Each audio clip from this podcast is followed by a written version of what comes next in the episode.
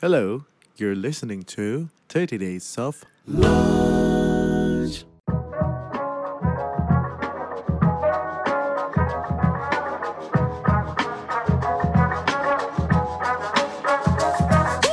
yang harus kita manage itu adalah dari diri kitanya sendiri gitu ya. Apakah kita menjadikan uang hanya untuk showing off atau sebagai alat? Sukses itu kalau buat saya definisinya adalah pada saat saya bisa menjadi diri saya seutuhnya, bukan jadi diri saya yang lain hanya karena judgementnya orang atau supaya diterima oleh orang lain gitu.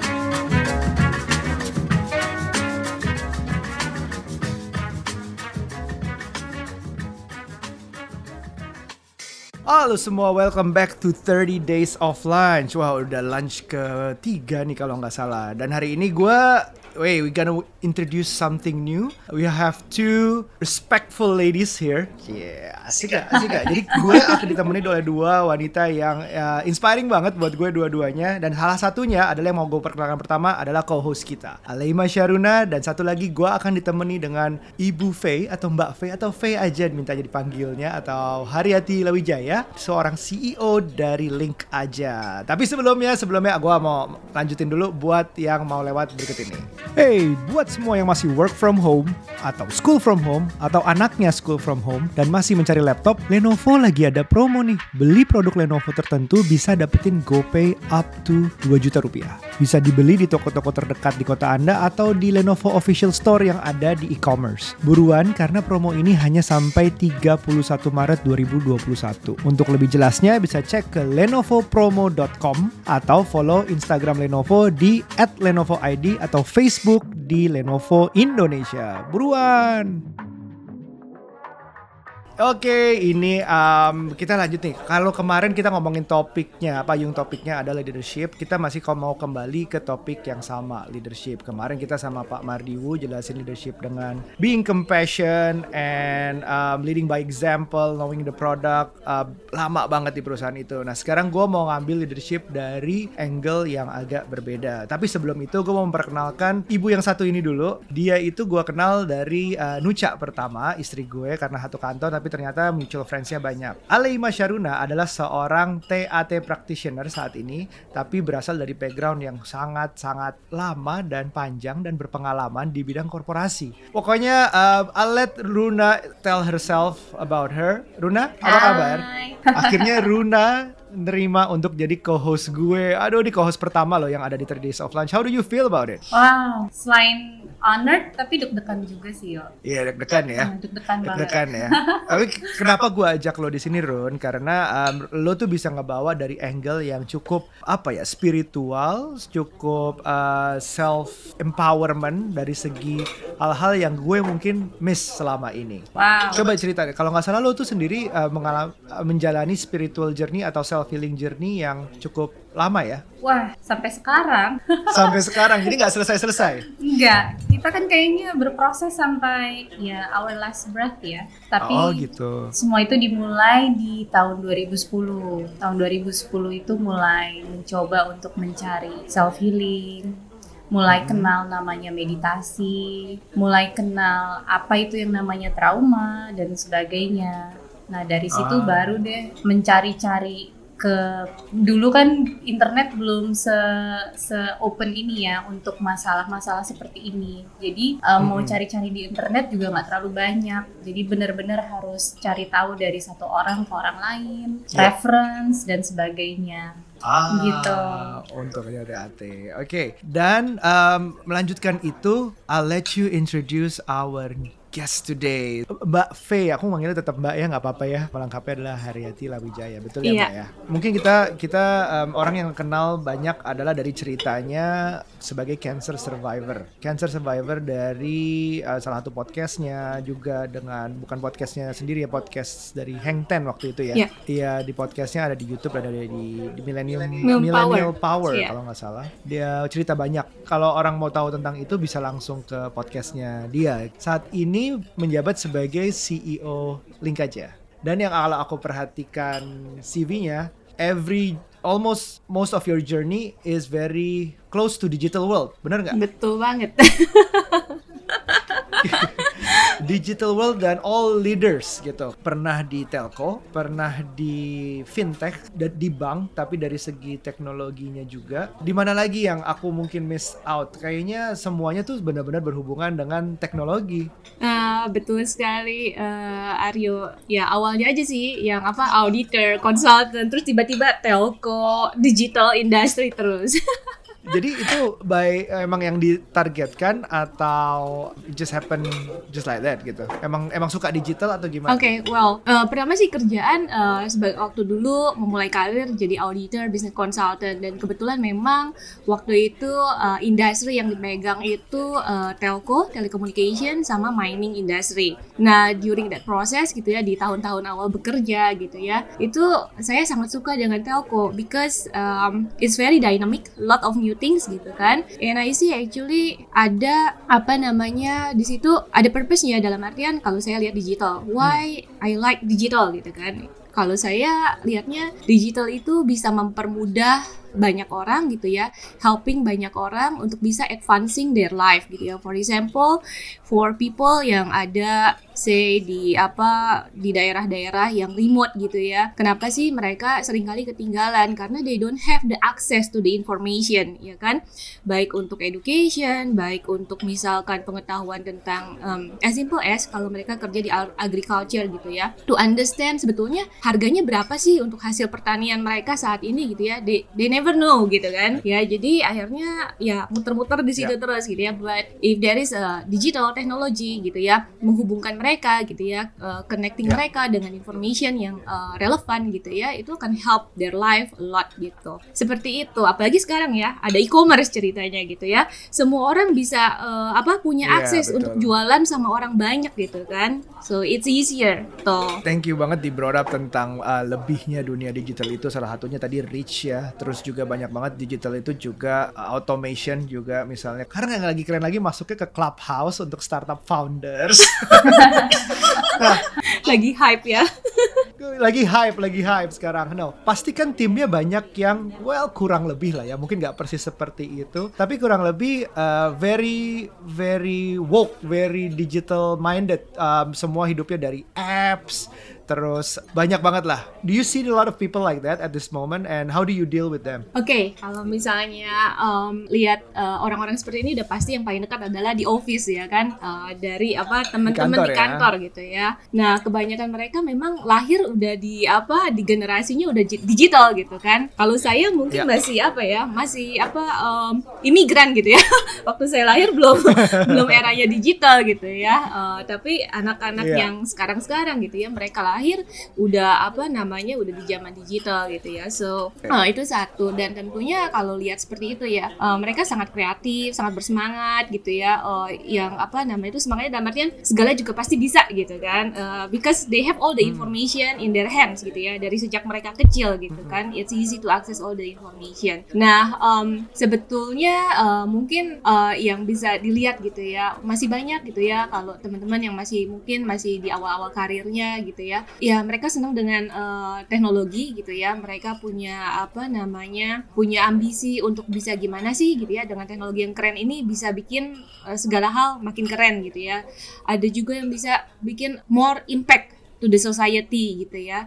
So actually uh, it's good gitu ya Uh, cuman mungkin juga dalam hal uh, teknologi digital ya itu juga membuat uh, apa namanya itu pace of kerjaan gitu ya semakin cepat kan jadinya cepat banget gitu ya Yeah. sometimes gitu ya uh, we forget gitu ya untuk apa grounding dalam artian gini ya udah ikutin aja semua karena udah saking cepetnya gitu ya udah nggak kepikir lagi untuk kayak jadi lama-lama kayak bisa jadi kayak robot kan? Karena aduh rutinitas tiap Iya, hari iya. udah apa banyak banget gitu ya. Makin banyak yang diselesain makin banyak lagi gitu kan yang datang yang untuk dikerjain gitu kan. Iya. dan di digital kan seperti itu ritmenya gitu ya. Karena emang uh, that's the apa ya the nature of digital kan. It's a very dynamic gitu ya. Dynamic karena a lot of information yang bisa diakses dalam waktu cepat gitu ya. And the technology itself apa namanya evolving very fast gitu kan Nah, challenge-nya atau bukan challenge lah ya, tapi yang harus kita hati-hati gitu adalah supaya jangan uh, akhirnya jadi kayak robot gitu ya, kayak uh, apa namanya hidup kita ngikutin uh, ngikutin kerjaan gitu ya. Padahal sebetulnya gitu ya, yang paling penting itu basicnya itu adalah purpose-nya kita apa gitu kan. So kita setiap dari apa yang kita kerjakan itu uh, we do it with a purpose sehingga nggak just kerja gitu ya ngikutin uh, ritme, tapi um, ya that purpose yang sebetulnya juga akan membantu kita untuk navigating gitu ya uh, dalam artian um, say in term of apa sih yang harus kita priorityin gitu ya dalam pekerjaan itu sendiri dalam hal uh, kita uh, facing challenge dalam hal managing the team gitu ya dan juga every other uh, kind of decision that we have to make gitu ya in the uh, in the business itself seperti itu sih kurang lebih. Aku ada yang menarik banget yang poinnya Mbak V itu adalah bahwa terkadang kita sangat mengikuti arus sampai kita akhirnya seperti robot kita lupa kita bekerja tuh purpose-nya apa. Nah, itu cara kalau kita sudah terlanjur di tengah arus itu gimana sih Mbak? Untuk kita bisa untuk slow down dulu, grounding dan cari tahu. Karena aku mau perhatikan beberapa orang, bukan beberapa sih sebenarnya banyak orang dan bahkan aku dulu itu juga berpikir bahwa we don't have any choice. Kita merasa ya ini kantor kita, ini yang harus kita lalui dan kita harus melakukan ini so we can survive gitu. Jadi um, untuk beberapa orang mereka merasa luxury untuk bisa slow down, apalagi, apalagi misalnya kita sabbatical leave gitu ya. Buat hmm. mereka mungkin it's luxury untuk bisa diam dan mencari tahu what do I want karena juga banyak beberapa orang yang sudah berada di tengah arus, sudah tahu bahwa dia mungkin kelelahan atau mungkin mereka bahkan belum aware dan mereka merasa uh, tidak ada pilihan dalam hidup mereka dan diri mereka. Nah kalau gitu gimana tuh mbak? Uh, pertanyaannya uh, apa?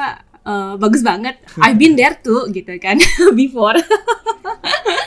Ya, dan ya, baru ya. realize-nya kalau buat saya adalah pada saat saya kena sakit cancer itu gitu ya. Uh, baru punya like uh, apa ya then that time saya start connecting with myself dan baru realize uh, everything gitu ya. Uh, jadi kalau misalnya ditanya gimana sih gitu ya supaya nggak kebawa arus gitu ya. Satu ya penting banget buat kita untuk selalu punya me time gitu ya. Everyday sebetulnya orang selalu bilang sibuk gitu ya. Ya uh, kalau diikutin ya everyone sibuk gitu ya. But first thing first adalah we need to ensure we have uh, our me time space untuk diri sendiri gitu kan. And it's part of our commitment untuk self love gitu kan. Kalau kita nggak sayang sama diri sendiri kalau kita sendiri nggak happy gitu ya how can we uh, apa namanya bisa give our best gitu ya to everyone around us? Karena kalau nggak happy ya maksudnya we cannot we cannot bohong-bohong lah. I mean it's like a vibration ya. Uh, pada saat nggak happy ya uh, walaupun nggak ngomong gitu ya atau walaupun bilang aku happy kok baik-baik aja gitu ya. Tapi berasa kan gitu ya orang sekitar kita gitu ya. So uh, satu adalah uh, tadi kalau buat saya ya ini kalau dari pengalaman saya sendiri ya punya me time gitu ya. Uh, say for example for me every morning ya udah pasti ada me time untuk uh, meditate gitu ya. It, it helps me to connect with myself gitu kan. Yang kedua adalah olahraga. Satu waktu olahraga itu sebetulnya buat saya uh, satu it's about fokus gitu ya. Um, maksudnya itu fokus dalam artian ya saya dengan diri saya sendiri jadi nggak kemikir ke mana-mana gitu ya. And juga bonusnya adalah uh, apa namanya I feel much more energized gitu kan. Yang kayaknya udah deh ready for the day gitu kan. And after itu karena saya sudah ground udah grounded dengan my me time-nya tadi gitu ya ya the whole day walaupun sibuk banget gitu ya lot of things to be done uh, ya aku deep down gitu ya I can stay calm dalam artian lihat oh yang mana sih sebetulnya yang priority and why I have to prioritize this gitu ya. Karena lot of things happening gitu ya. Kalau to ya semua orang masih bilang ini urgent nih harus duluan gitu ya. Uh, but if kita tahu gitu ya the purpose gitu ya uh, it's easier untuk uh, apa namanya menentukan prioritas yang mana sehingga ya dikerjain ya satu-satu walaupun banyak gitu ya. Dan itu sebetulnya membuat uh, apa banyak hal bisa selesai dengan lebih cepat dan juga lebih apa ya lebih baik gitu ya in term of the uh, impact. Karena kan nggak kayak terburu-buru gitu ya. Seperti itu sih. Jadi balik lagi ya my me time and it's about like kalau buat saya it's about uh, self love gitu ya. Saya harus ngerasa nyaman dulu gitu ya. Saya harus ngerasa uh, full dulu supaya saya bisa memberi dengan dengan full juga gitu ya. Seperti itu sih. How do you apply this to your leadership? Jadi kalau di kantor, uh, how much me time is too many untuk satu satu tim atau angka bawahan? Ini kayaknya me time mulu nggak pernah masuk nih gitu. Atau me, me time-nya lunchnya sampai sampai dinner nggak balik-balik ke kantor. Kasarnya mungkin seperti itu. Ah, oh ya, yang untuk yang belum tahu, Mbak Fe ini maratoner loh. Maratonernya udah race di mana-mana nih. Um, jadi ker- Keren ya, gue admire dia loh. Iya, gue juga paling mentok 10 10k doang udah, udah nggak pernah lagi. Gimana cara sebagai leader ngeba- uh, tahu bahwa ini me time tuh se segimana? How do you know that your team is actually needing a me time atau they just padahal nggak tahu mereka maunya apa mungkin? Oke, jadi sebetulnya kalau kapan sih kita butuh me time? Yang paling tahu itu diri kita sendiri gitu ya. Nggak mungkin kita bisa kasih tahu orang bahwa eh kamu butuh me time dan sekian lama gitu ya. Tapi em, ya basicnya sih kalau buat saya sendiri ya, eh, at least ya me time itu bukan sesuatu yang harus tiba-tiba lama banget atau misalnya sampein seharian nggak ada gitu ya. Eh, tapi lebih ke arah eh, konsistensi gitu ya. Setiap hari kalau buat saya ya saya bangun jam 5 pagi and then I have my me time gitu ya di pagi hari gitu ya sampai 7 a.m. That's my me time gitu ya. Uh, while actually juga uh, I have to ensure gitu ya bahwa semua uh, quote unquote ya tanggung jawab saya gitu ya tetap bisa saya gitu ya dengan baik. Jadi bukan dengan uh, my me time itu menjadi alasan buat saya say apa namanya diskon-diskon uh, waktu saya atau apa namanya uh, kontribusi saya untuk hal lain. Justru my me time itu actually uh, something yang aku butuhkan untuk empower uh, myself gitu ya untuk bisa lebih sustainable kurang lebih ya dalam hal uh, apa namanya memberikan kontribusi untuk uh, apa yang saya lakukan setiap harinya gitu ya. Kontribusi itu sebetulnya bukan hanya tentang pekerjaan di office aja gitu ya. Well, kalau saya pinjam mungkin kata-kata ya Alima kenal juga gitu ya. Our boss dulu gitu kan. Ya, sebetulnya karir itu bukan hidup saya gitu ya. Tapi hidup saya adalah karir saya. So how I build my life gitu kan supaya ya apa namanya bisa memberikan uh, bukan hanya tentang uh, apa namanya tuh belajar bertumbuh untuk diri sendiri pada saat kita bertumbuh we can also like apa contribute for others uh, better gitu ya atau lebih banyak lagi. Jadi uh, si me time ini balik lagi gitu ya me time ini buat saya ya it's a commitment for myself gitu ya untuk bisa saya lebih apa ya bisa It's about endurance kan. Kalau kita ngomongin uh, apa yang kita lakukan tiap hari if we, if we want to build something good gitu ya it's not like hit and run kan. It's about you know uh, apa journey gitu ya. And for that journey gitu kan dibutuhkan stamina endurance. Nggak bisa ya kayak wah hari ini excited oke let's do it gitu kan. And then tomorrow eh gitu kan. Pada saat lihat ada susah sedikit maksud. Eh gitu kan. Tapi if we have uh, if we are clear about the purpose if we are um, apa namanya tuh uh, uh, kalau bahasanya saya gitu ya grounded dalam artian saya tahu siapa saya gitu ya dengan segala kelemahan dan juga kelebihan saya saya tahu ke mana arah saya menuju gitu ya. Pada saat saya memilih pekerjaan saya saya tahu saya memilih pekerjaan itu karena emang align to uh, the purpose of my life gitu ya. Kemudian pada saat melakukannya setiap hari gitu ya walaupun uh, pasti banyak uh, kendala gitu ya. Hmm, apalagi zaman-zaman kayak gini ya. Nanti even kayak covid kayak gitu kan nggak pernah ada yang apa namanya itu predik ya. It just happen ya kan? No one can predict gitu ya. Betul. So it's really uh, take us juga uh, dalam hal bukan hanya sekedar kayak kerja ya kerja aja gitu ya, tapi dengan adanya challenge seperti ini gitu ya, ya tentunya ya kayak ekonomi slowdown gitu ya karena ada pe- pembatasan-pembatasan gitu ya, how it will impact not only our business ya, but mostly juga our people gitu kan, karena pada saat mereka misalnya feel uh, nggak sih feel insecure juga misalnya karena pekerjaannya aduh jangan-jangan nih nanti kenapa-napa nih kerjaannya gitu ya. Maksud tuh uh, kena apa kena layoff atau apa gitu ya. So first thing first ya of course harus ensure orang-orang ini bahwa hey we as a team gitu ya can do this together uh, can um, overcome this together gitu ya. Tapi of course it's not only about omongan kan gitu ya. Gimana kalau misalnya kita bilang oh Iya, kita iya, akan iya, make it together gitu ya. Tapi ternyata at the same time misalkan ada job insecurity buat anak-anak gitu kan so that's like inconsistent kan. Tapi ya tentu yang harus ada dijelaskan adalah dengan kondisi seperti ini gitu ya. We as a team apa yang bisa kita lakukan bareng-bareng gitu kan. Dalam artian untuk supaya bisa survive barengan because this is our job bukan hanya leadernya aja tapi all together gitu ya. If we want to make it and apa namanya itu succeed gitu ya.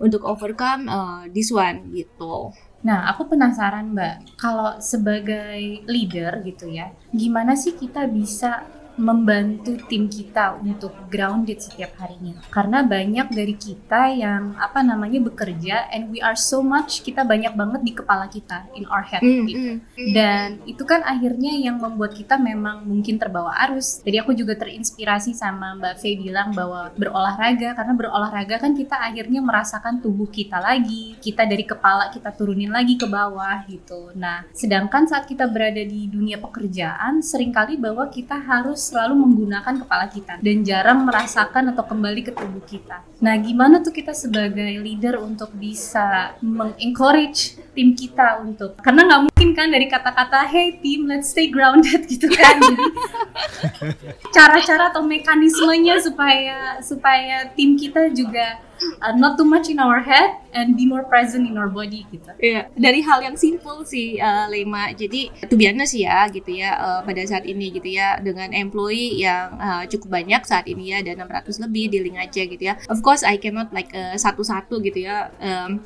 apa uh, punya interaksi yang cukup gitu ya untuk terus uh, apa ngobrol uh, casual gitu ya. Tapi mungkin yang paling uh, bisa saya lihat adalah kalau misalnya nih uh, meeting gitu ya. Kalau orangnya udah kayaknya bingung gitu ya.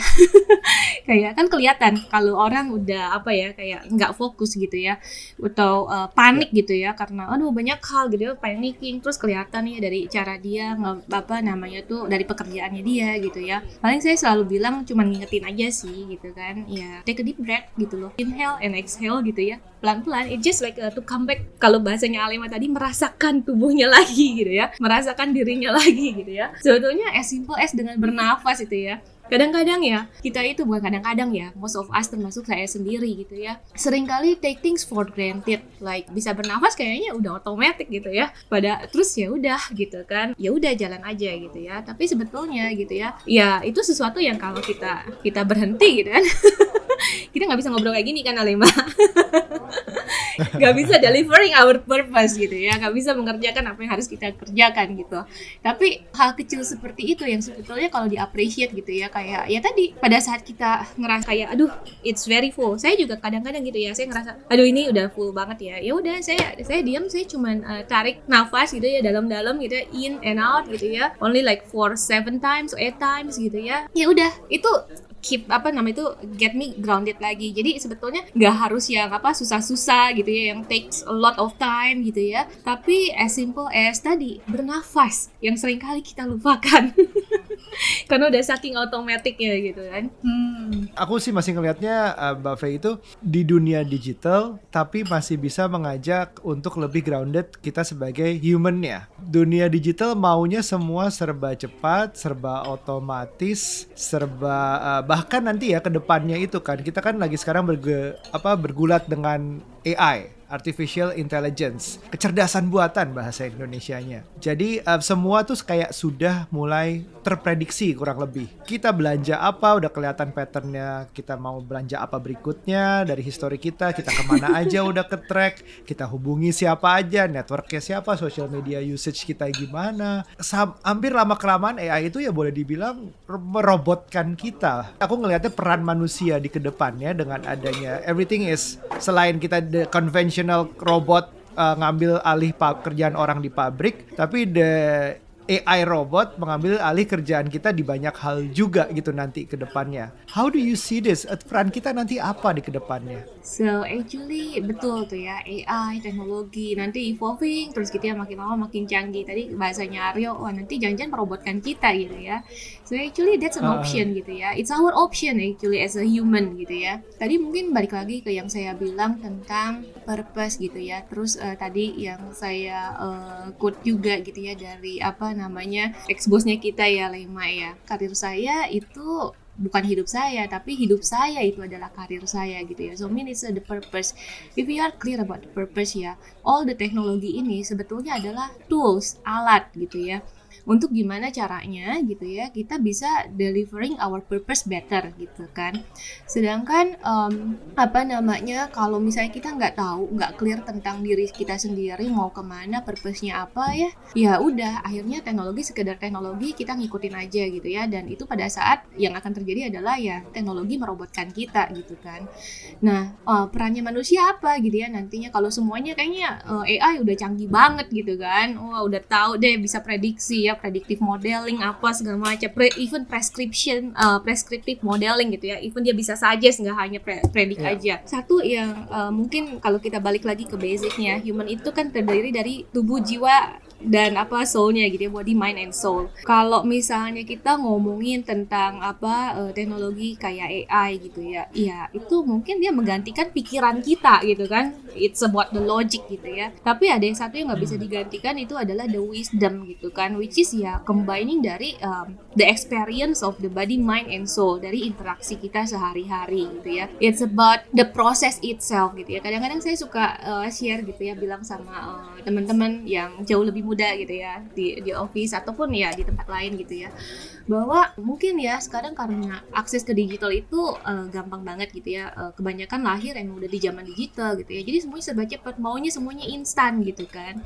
But actually harus hati-hati gitu kan karena nggak selalu uh, apa instan itu bagus gitu ya. Sebetulnya tuh um, saya kalau bilang the treasure gitu ya the treasure itu is in the journey itself in the process itself. Pada saat kita maunya shortcut semua gitu kan actually kita kehilangan the treasure gitu kan. Jadi kalau misalnya bisa dibilang gitu ya apa yang membuat kita nggak akan tergantikan gitu ya oleh oleh robot oleh AI gitu ya uh, that wisdom that comes from the process. The process ini adalah respon kita. Respon kita as a full human gitu ya dari body mind and spirit tadi gitu ya interaksinya merespon terhadap apa yang terjadi di sekeliling kita gitu ya. Uh, dan sebetulnya apa yang terjadi di sekeliling kita itu apa pun itu ya kadang kita bilang it's bad gitu ya atau kita sebel banget ya. But there always a purpose. Purpose untuk uh, kita bisa belajar sebetulnya belajar tentang diri kita sendiri and bertumbuh menjadi ya pribadi yang lebih baik gitu ya. Pada saat kita bisa bertumbuh lebih baik gitu ya kita bisa deliver apa kontribusi juga lebih baik kepada apa namanya orang sekitar kita. And that sense of purpose actually yang bikin kita happy as a human being gitu ya. Uh, happy itu bukan cuman karena uh, uh, apa nggak ada challenge gitu ya nggak ada tantangan semuanya gampang gitu semuanya shortcut. Bukan. Actually kalau semuanya gampang. Itu kan kayaknya udah kehilangan maknanya lagi gitu ya. Tapi pada saat Iya. uh, ada challenge gitu ya. Makanya saya suka bilang sebetulnya kalau saya lihat challenge itu adalah blessing gitu kan. Kenapa? Karena with that challenge actually kayak apa kita gitu ya. Kayak wake up kita gitu kan.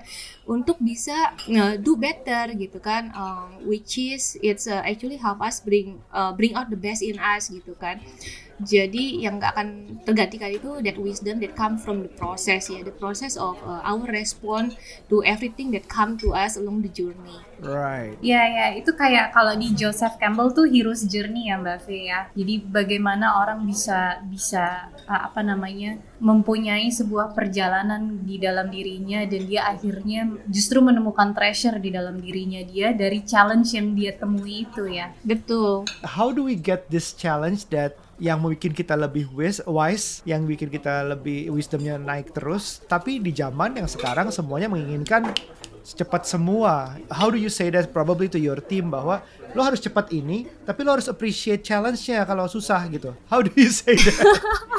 keren keren pertanyaannya. Ya kalau saya lihat itu dua hal yang berbeda nih ya. Tapi nggak bertentangan gitu ya. Oke, oke. Eh, jadi pers- perspektifnya dulu nih ya kan. Sama kayak kita lihat uang ya kan. Uang atau teknologi gitu ya. Actually the way we eh, lihat ini sebagai apa nih? Kalau saya lihat uang atau teknologi atau digital ini sebagai alat sebagai tools untuk bisa eh, apa namanya membantu kita bisa growing lebih lagi dan juga apa namanya contribute lebih lagi itu satu tuh. That's good gitu ya kalau menurut aku. Tapi jangan sampai Oke. gitu ya kebalikannya. Hidup kita betul-betul kayak ya udah tujuan akhirnya itu adalah si uang atau teknologi yang keren gitu kan. Itu satu. Jadi dari perspektifnya dulu Terus tadi Aryo tanya gitu kan, ya ini dengan segala kemudahan ini gitu ya uh, di hari ini gitu kan, nggak kebayang deh kan intinya kalau misalnya masih pakai zaman kayak dulu nggak ada Google nggak ada apa gitu ya.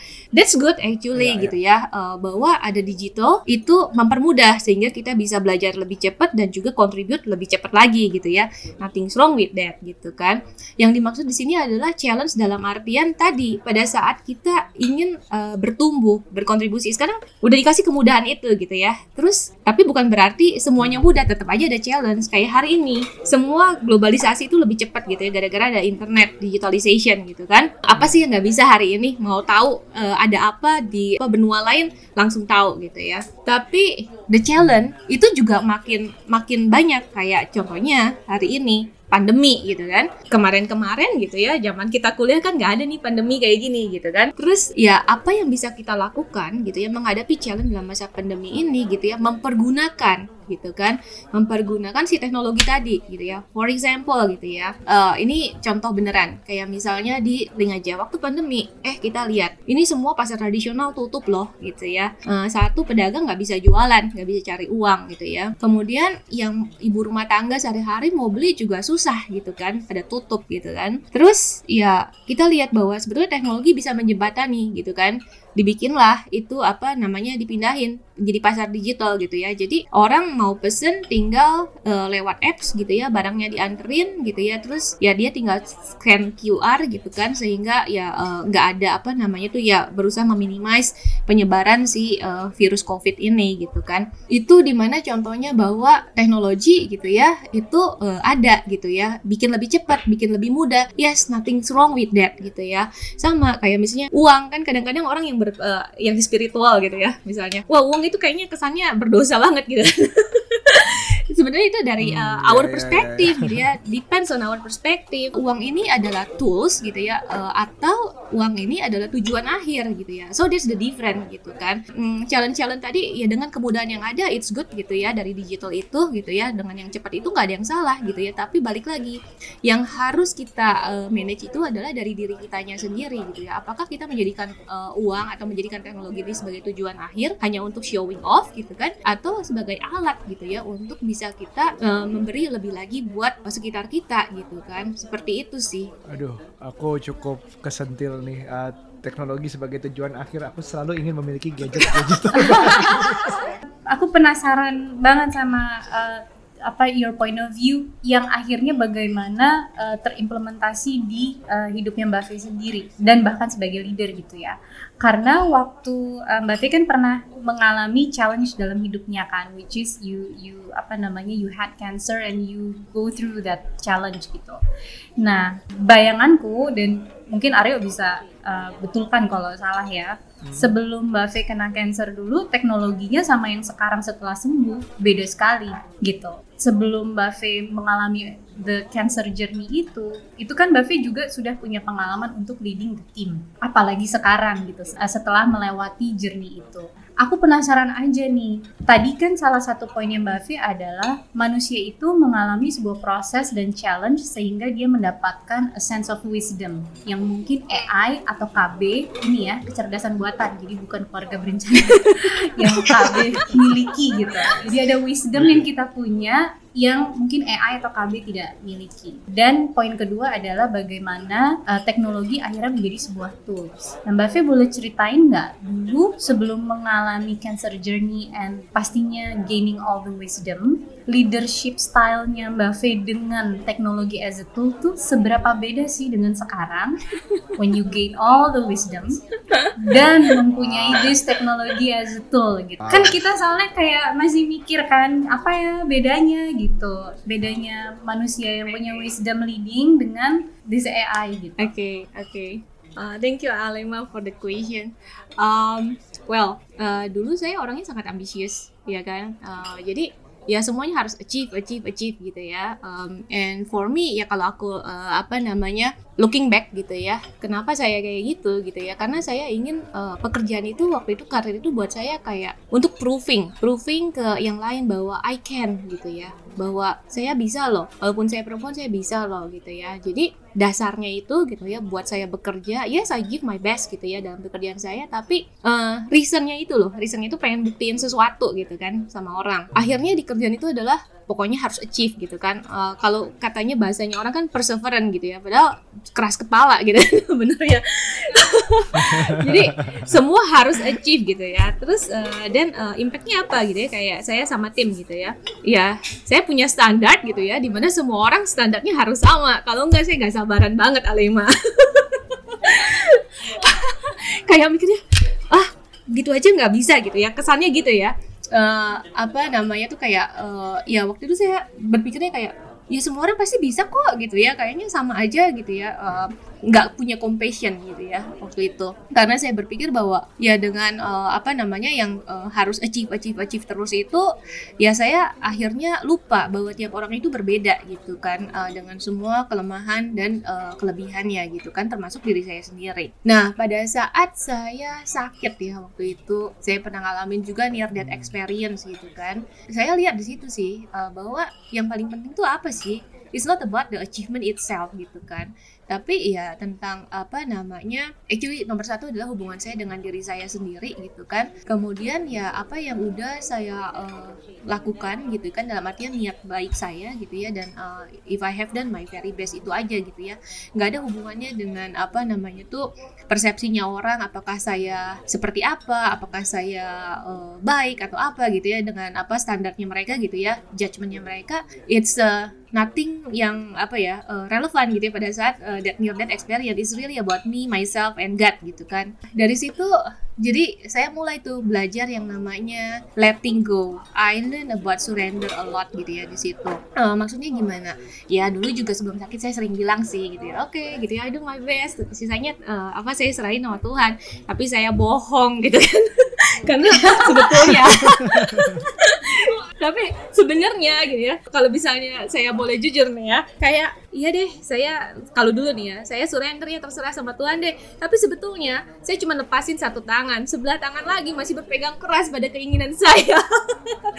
Gitu kan? Tapi pada saat saya menghadapi that uh, experience ya that near that experience gitu kan huh, actually ya kalau emang udah kehendaknya Tuhan ya mau ngumpet ke mana pun mau ngapain pun nggak bisa loh gitu kan di situ saya belajar yang namanya ya udah actually what what is best adalah ya enjoy that moment. Whatever moment gitu ya. Kayak misalnya kita bilang misalnya oh ini momen jelek banget gitu ya atau ini momen uh, nyebelin banget atau menyakitkan banget pada saat itu ya. Very susah gitu ya sangat hmm. susah untuk bersyukur pada saat mengalami kesulitan itu gitu kan. Karena kita nggak lihat apa reason behindnya. Tapi pada saat kita mulai bisa menerima ya udah deh every moment itu terjadi ya emang harusnya terjadi and if it's terjadi gitu ya that means gitu ya emang ada uh, apa namanya tuh good reason di mana ada something yang kita harus belajar dari situ. Nah ini impactnya ke pekerjaan kepada tim gitu ya. Pada saat uh, lebih compassion compassionate gitu ya dalam artian uh, ya udah kalau misalnya uh, something yang sudah direncanakan misalnya kan tidak terdeliver gitu ya seperti apa yang diharapkan ya ya pertama tentu ya kita harus analyze what is the root cause gitu ya dan uh, apa namanya supaya lain kali gitu ya nggak kejadian yang sama gitu ya and try to improve it. That secara aku bilang 3D wordnya lah ya material wordnya gitu ya but at the same time gitu ya saya nggak ngerasa kayak yang apa ya kayak terbebani atau saya nggak ngerasa yang jadi apa ya. Kalau dulu saya nggak achieve something saya menghukum diri saya sendiri dengan perasaan saya sendiri gitu ya. Tapi kalau sekarang saya bisa menerimanya ya udah gitu kan. Uh, satu yang penting saya ngerti kenapa uh, itu failed gitu kan. And um, next time harus gimana gitu kan. And I just embrace it like uh, ya udah gitu ya uh, emang saya harus belajar tentang hal ini gitu ya. Sometimes actually kita belajar paling banyak itu bukan dari keberhasilan keberhasilan tapi dari kesulitan dari kegagalan gitu kan. And that's make us uh, growing dalam artian tuh um, ya mengenal diri kita lebih baik lagi gitu ya. Kadang-kadang kalau misalnya gampang-gampang aja berhasil aja semuanya gitu ya. Actually ya itu tadi bahasanya mungkin jadi kayak robot aja. Oh ya udah thank you Tuhan gitu ya. Tapi udah gitu ya udah cuma di mulut aja gitu ya. Tapi pada saat pada saat kita emang harus apa facing something gitu ya yang apa nggak mengenakan gitu ya uh, itu di mana kita betul-betul belajar belajar tentang diri sendiri ya. Dan itu ya dari situ impactnya saya sebetulnya tuh bisa lebih compassionate gitu ya bisa lebih menerima keadaan apa pun itu gitu ya bisa uh, bersyukur melihat uh, ya udah kalau emang kejadian uh, it's okay yang penting gitu ya. Yang harus selalu saya pastikan adalah niat saya niat baik gitu kan and I do my best gitu ya already. So hasil akhirnya apa? Ya udah nggak apa-apa gitu kan. I have no regret. As long as I know I have uh, ensured bahwa uh, saya dengan semua niat baik saya sudah melakukan yang terbaik yang bisa saya lakukan. Whatever the result, uh, I know that must be the best gitu ya. Buat semua orang, bukan hanya saya aja. Jadi dengan seperti itu saya jalaninya lebih ringan gitu ya. Saya juga sama tim saya lebih relax gitu kan. Dalam artian saya jujur ya, Lema ya. Saya orangnya bawel gitu. Kalau misalnya tim saya tahu lah saya pasti saya pasti ngomong tapi bukan karena saya ingin menghukum mereka atau kesel sama mereka but actually for me it's very important to give like a candid feedback. So people know kenapa sih gitu kan? Daripada saya diam-diam terus nanti di akhir uh, waktu pada saat penilaian tiba-tiba ah kamu nggak perform gini gini gini kan? Kasihan udah terlambat. Mendingan saya sih kalau misalnya pas kejadian ini ya saya paling kasih tahu saya ngomong gitu kan. Uh, ya bukan untuk menghukum atau kesel atau gimana tapi I just want to let him or her know gitu ya eh ini loh yang sebetulnya bisa diperbaiki gitu ya. Jadi nggak telat. Jadi dulu yang diproses dia kan bisa improve. Dia punya clue apa yang harus diimprove gitu. Dan buat saya juga lebih ringan dalam artian gini. Karena sudah uh, mengenal konsep surrender itu gitu ya. Dipaksa untuk belajar pada saat saya apa menghadapi near death experience itu gitu ya. Saya lebih kalau dulu tuh saya orang saya orangnya sangat private gitu ya. Jadi nggak pernah cerita nggak mau orang lain tahu apa pun. Pokoknya saya build a lot of wall gitu kan. Tapi kalau sekarang ya ya saya lebih nyaman untuk menjadi vulnerable gitu ya ya biarin aja. Emang saya emang saya manusia biasa yang punya banyak kelemahan juga gitu ya. I did mistake too gitu ya. But for sure gitu ya uh, if I did mistake ya aku akan learn from that mistake gitu kan. And yeah I will uh, I will say sorry if uh, saya salah gitu kan. And yeah basically it just like saya sekarang lihatnya kelemahan saya itu ya sebetulnya bisa menjadi uh, strength pada saat saya mau embrace dan juga ya just open aja gitu ya. Karena dengan itu saya bisa menjadi lebih open open minded untuk belajar untuk bisa apa namanya improve uh, my weakness gitu kan. If I can analyze this correctly, waktu perjalanan itu kan um, tadi bilang me myself and God uh, di saat tahu berita pertama kali tahu berita cancer itu juga tidak share ke siapa pun kalau berdasarkan ceritanya. Jadi menjalankannya di sendiri dulu sampai cukup lama sampai akhirnya butuh seseorang untuk diceritakan. Ini antara memang uh, itu yang direncanakan atau memang bagian dari yang dulunya kepribadiannya adalah menyimpan, menyimpan dulu yang kalau sekarang lebih vulnerable. Tapi aku merasa it happens for a reason sih maksudnya mungkin ada baiknya memang itu di waktu itu untuk Faye lebih disimpan dulu sehingga ada hmm. waktu untuk ngobrol dengan diri sendiri hmm. untuk melihat sebenarnya apa menjalani dengan diri sendiri dulu dan and I I I'm amazed to that gitu. Aku sekarang ngomongin challenge, Mbak Faye ini mengalami challenge yang salah satu yang terbesar yang biasa dialami seseorang. Uh, yang dilihat dari cerita di luar ini bukan tentang Mbak Faye doang bahwa seseorang yang berangkat dari out of nothing terus jadi someone itu yang kayak dia berhasil. Jadi kayak lebih ke arah kayak lo harus mengalami yang berat dulu untuk berhasil gitu loh. Bagaimana dengan orang-orang yang boleh dibilang hidupnya udah enak, hidupnya udah enak dari kecil, mungkin nggak pernah sakit, mungkin nggak pernah kehilangan, mungkin nggak pernah kesusahan. Apakah they're bound to everything is just sama aja dari lahir, atau harus mencari challenge-nya sendiri dibikin-bikin, atau emang harus ada challenge ini untuk menunjukkan bahwa kita tuh menjadi lebih bijak seperti yang P bilang. Mungkin ya pertama uh, let's uh, kita ngobrol dulu tentang definisi sukses sendiri. Tadi kan soalnya ngomonginnya sukses gitu okay. kan. Ya, ya definisi ya, ya. sukses itu apa nih gitu kan itu dulu gitu kan. So kalau definisi suksesnya itu kebanyakan ya mungkin ya karena society juga ya harus bisa achieve ini, achieve itu, punya ini, gelar apa gitu ya. So um, ya yeah, well that's uh, apa namanya ukuran yang ternyata setelah segala yang saya alami gitu ya itu bukan ukuran yang benar gitu kan. Uh, ternyata kalau buat saya ukuran yang benar untuk sukses itu adalah tentang bagaimana menjadi bisa menjadi diri sendiri yang seutuh-utuhnya gitu ya. Bukan karena uh, judgement oh, orang okay. gitu kan. Bukan karena uh, apa pingin diterima orang terus berusaha jadi misalnya nih ya uh, saya tadi ya kalau contohnya gimana nih? Kalau dari kecil kayaknya uh, happy happy aja keluarganya semuanya gitu ya semuanya tersedia ceria gitu ya. Terus ya nggak eh, apa nggak pernah ngalamin sakit gitu ya. Semuanya fine fine aja gitu ya. So that's good that's very good gitu ya. Masa orang dipanis gitu ya gara-gara itu gitu kan? Nggak. Eh, tapi yang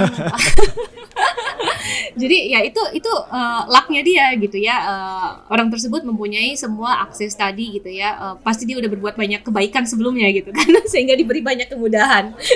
Tapi kalau misalnya kita ngomongin sukses gitu ya sukses itu kalau buat saya definisinya adalah pada saat saya bisa menjadi diri saya seutuhnya. Bukan karena uh, bukan jadi diri saya yang lain hanya karena judgementnya orang atau supaya diterima oleh orang lain gitu kan. Jadi sebetulnya ya sebuah perjalanan ke dalam ya uh, diri sendiri tadi gitu ya. Even orang-orang yang mungkin uh, apa namanya semuanya sejak kecil semuanya sudah tersedia dengan baik gitu ya punya kesehatan yang baik gitu ya kayaknya everything lancar-lancar aja. Tapi perhaps the question adalah ya have you been yourself gitu kan? Apakah sudah menjadi dirinya sendiri gitu kan?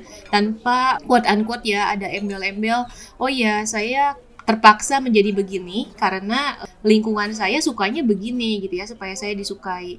Atau mungkin em, eh saya tuh sebenarnya eh, for example ya misalnya saya sukanya sebetulnya menggambar gitu kan.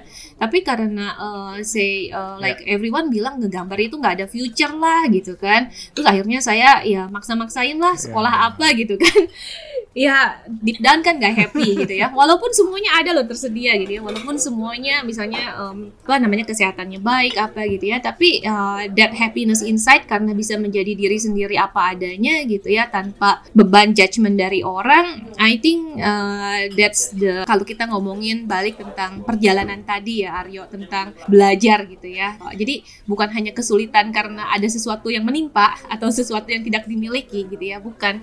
Tapi actually dari dalam diri sendiri have we been true to ourselves gitu ya uh, regardless the social norm or condition. Itu sih dan sampai sekarang saya pun masih terus belajar dan berevolusi untuk itu Tapi kalau boleh sharing sedikit yuk, tapi memang perjalanan mencari uh, kebenaran ke dalam diri dan koneksi itu challenge tersendiri juga loh. Jadi maksudnya Iya, iya, iya. tanpa tanpa external challenge yang orang juga sudah melabelkan bahwa itu challenge atau tantangan pun untuk berani mencari tahu siapa saya, mau saya apa dan apa kebenaran yang saya punya me- mencoba membuka koneksi dengan diri sendiri itu bahkan sudah kadang-kadang menjadi challenge yang lumayan menakutkan gitu untuk kita mulai atau untuk kita jalani. Bener, bener banget, bener banget. Ini eh, aku nggak quote langsung, mudah-mudahan eh, esensinya masih benar. Jadi eh, beberapa bulan yang lalu tuh aku baca buku Homo Deus. Mungkin Mbak tahu pastinya ya gitu. Dan ada di salah satu page-nya itu, di salah satu paragrafnya itu yang mengatakan kalau aku nggak salah ingat adalah kaum humanistik itu adalah orang orang-orang yang mendapatkan meaning of life atau makna dari hidup ketika dia memprosesnya ke dalam diri gitu. Di mana dia melihat sesuatu terus dia memprosesnya oh how I feel about it dan sebagainya. Nah tapi ada juga lagi sebuah kelompok yang dia bilang atau adalah kaum datais di mana makna hidup itu justru ketika kita mengalami sesuatu dan kita mengunggah and then we share gitu. Dan dari situ nanti unggahan dan share dan respon-responnya itulah kita akhirnya baru uh, connect the dots dan mendapatkan meaningnya gitu. Nah, sebetulnya kan buku itu membuat kita untuk berpikir sendiri dan mengolah uh, pemahaman kita sendiri kan. Sebetulnya kita nih yang mana gitu. Aku punya point of view sendiri di situ. Nah, cuman aku pengen tahu point of view-nya Mbak V gitu. Gimana sih kalau dari those thoughts Ya. di buku itu, would you agree apa enggak atau uh, dari sisi mana yang Mbak V uh, punya point of view dari dua macam tipe kaum itu? Oke, Em, menarik banget eh, Alima ya kan. Eh, sebetulnya eh, apa pun itu sifatnya relatif ya. Eh, ya baik lagi itu tentang sudut pandangnya dari mana gitu ya. Kalau saya sendiri personally lebih condong ke yang pertama yang eh, tadi gitu ya di mana it's about like apa namanya pengalaman ke dalam gitu ya. Karena gini eh, apa pun yang terjadi di sekitar kita itu sebetulnya nggak ada labelnya. Nggak ada label ini jelek atau bagus sebetulnya ya. Tapi itu menjadi bagus atau jelek gitu ya itu menjadi menyenangkan atau tidak menyenangkan itu depend on how we process it into ourselves gitu ya. For example for example gitu ya kalau kita sekeliling kita gelap gitu ya uh, kita ya for some people gelap ya nggak apa-apa. For some other people gelap is menyeramkan gitu kan ya. So it's actually yang tadi Betul. gelap itu nggak ada labelnya gitu ya. Apakah itu jelek apakah itu bagus apa menyenangkan atau tidak menyenangkan gitu ya. Tapi the respon tiap orang itu bisa lain-lain gitu ya. Eh, gelap itu eh, menyeramkan gelap itu ya oke aja sih gitu ya.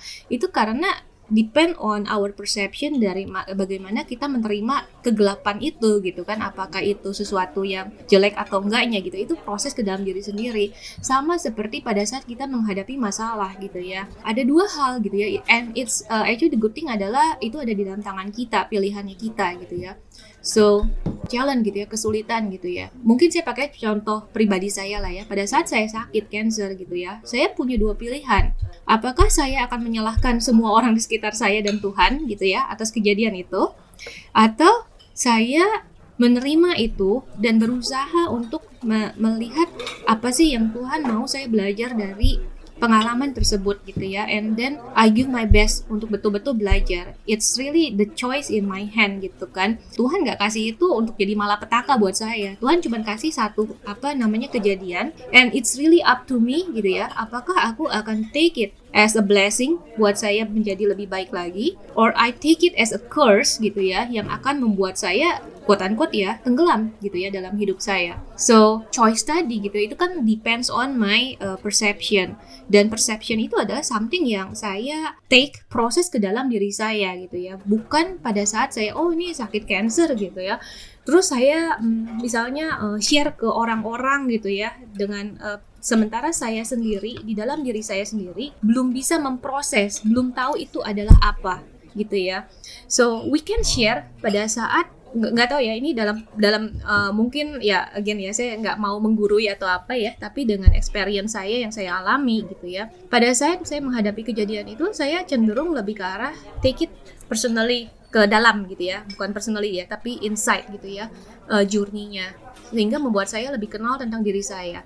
Dan at one point I understand sakit ini tuh meaningnya apa buat saya? It's not about the pain itself gitu ya tapi untuk saya kenal diri saya lebih baik pada saat eh, kalau saya bilang eh, wound-nya sudah menjadi scar gitu ya artinya udah sembuh gitu tuh lukanya. And I can I can take pride of my eh, scar gitu ya bukannya saya bersombong-sombong atau apa bukan. Tapi aku bisa berbangga dalam artian itu adalah eh Tuhan udah mempercayakan saya pelajaran ini loh pelajaran penting gitu ya. Dan saya bisa melaluinya. Terima kasih Tuhan. Dan I want to share that one with others. So others yang sedang mengalami kesulitan gitu ya. Others yang sedang mengalami uh, tuh like uh, in the state of depression or uh, apa namanya hopeless gitu ya. Bisa lihat juga eh ternyata there is another angle actually. I have a choice gitu kan.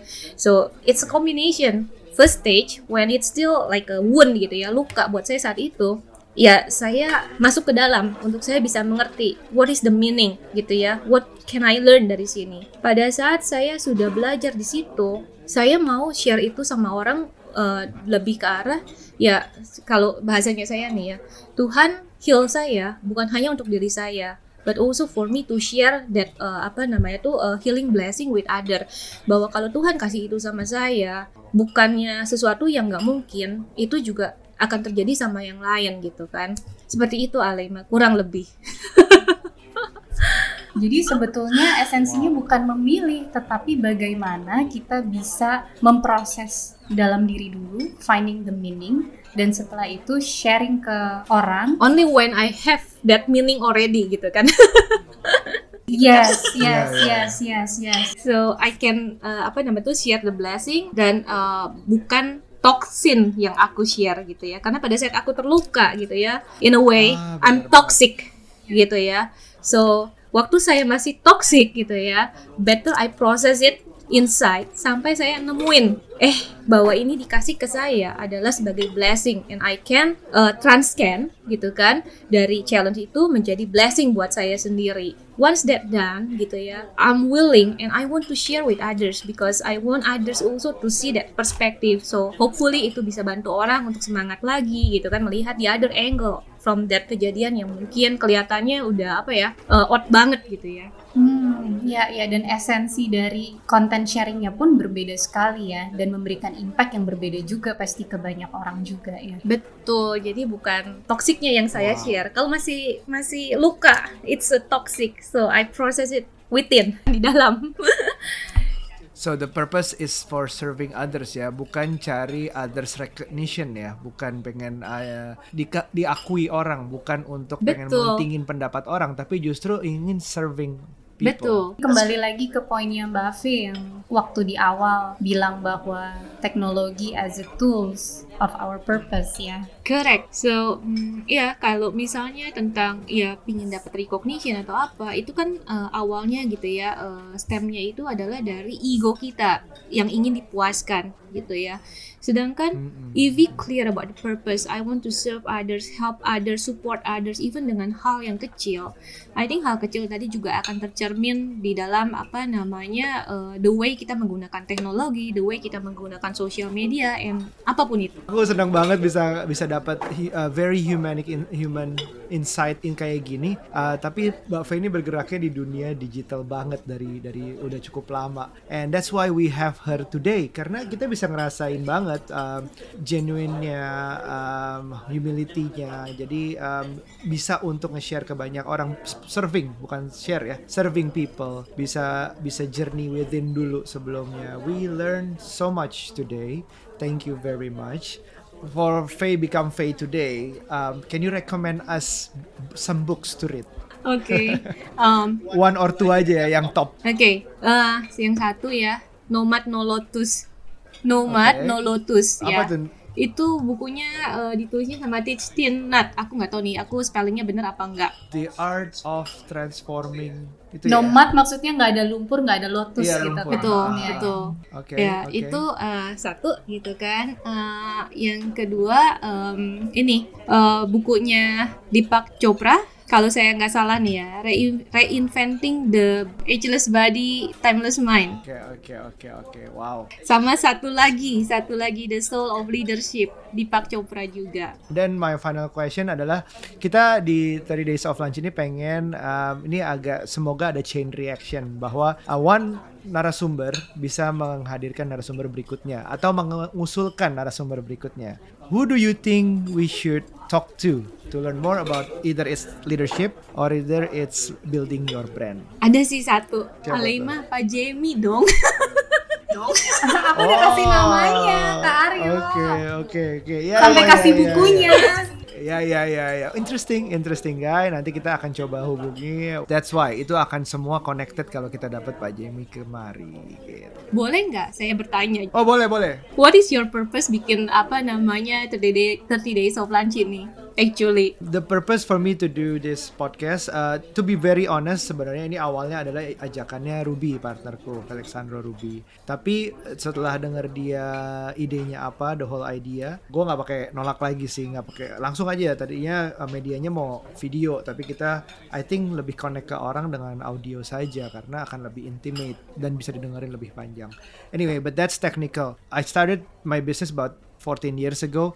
Uh, terus dicalonin temen jadi um, apa entrepreneur under 25 something bla bla bla terus dapat award award ala ala terus diajak ngobrol terus kayak kosong banget gitu uh, gue nggak ngerasa di saat itu I've done enough untuk nunjukin bahwa gue bisa inspiring ke orang so abis itu nggak pernah mau sharing lagi for years bener-bener nggak mau sharing tentang kapok lah tentang kerjaan tentang all those career wise investment atau financial atau apa pun itu nggak pernah mau sharing lagi. Karena um, ada tahapan yang Ruby bilang juga adalah belajar berkarya berbagi. Aku belum sampai tahap berbagi di saat itu. Masih pengen nunjukin dari karyanya. Makanya sambil building my company juga bikin konten. Kontennya tuh cuman uh, bukan berbagi hasil bisnisku tapi lebih ke arah tech reviewing lucu-lucuan yang gitu-gitu. Terus uh, the time comes when I feel um, bisnisku tuh um, udah oke udah jalan. Tapi kayaknya ceritaku nih udah udah kayak tadi perjalanannya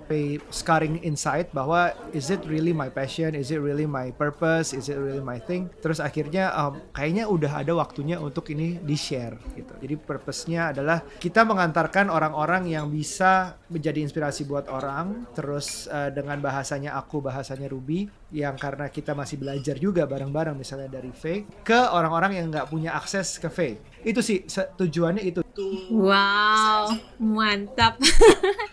Thank you for Faye being here as well. I think it's uh, one of our episode yang aku belajar banget, senang banget. Um, kita appreciate banget. Dan I thank you for your story on your challenge or your uh, journey as well on cancer. If people want to know more about uh, Faye, ada uh, can they follow your Instagram? Bisa, boleh. Ada di Faye 339 atau at Faye 339 bisa bisa reach out say nanti mention dia say thanks whether this episode has been useful for you guys to hear. Um, apakah mengubah apa just let her know. Uh, she will be appreciated of it. Jangan lupa co-host baru kita juga ada Instagram at Aleima Sharuna. Nanti aku mention juga di Instagramnya. 30 days of lunch dan berharap uh, banyak ada episode yang bisa ngebantu banyak orang lagi seperti episode sekarang. Sampai jumpa di episode berikutnya bye Bye. Bye, thank you.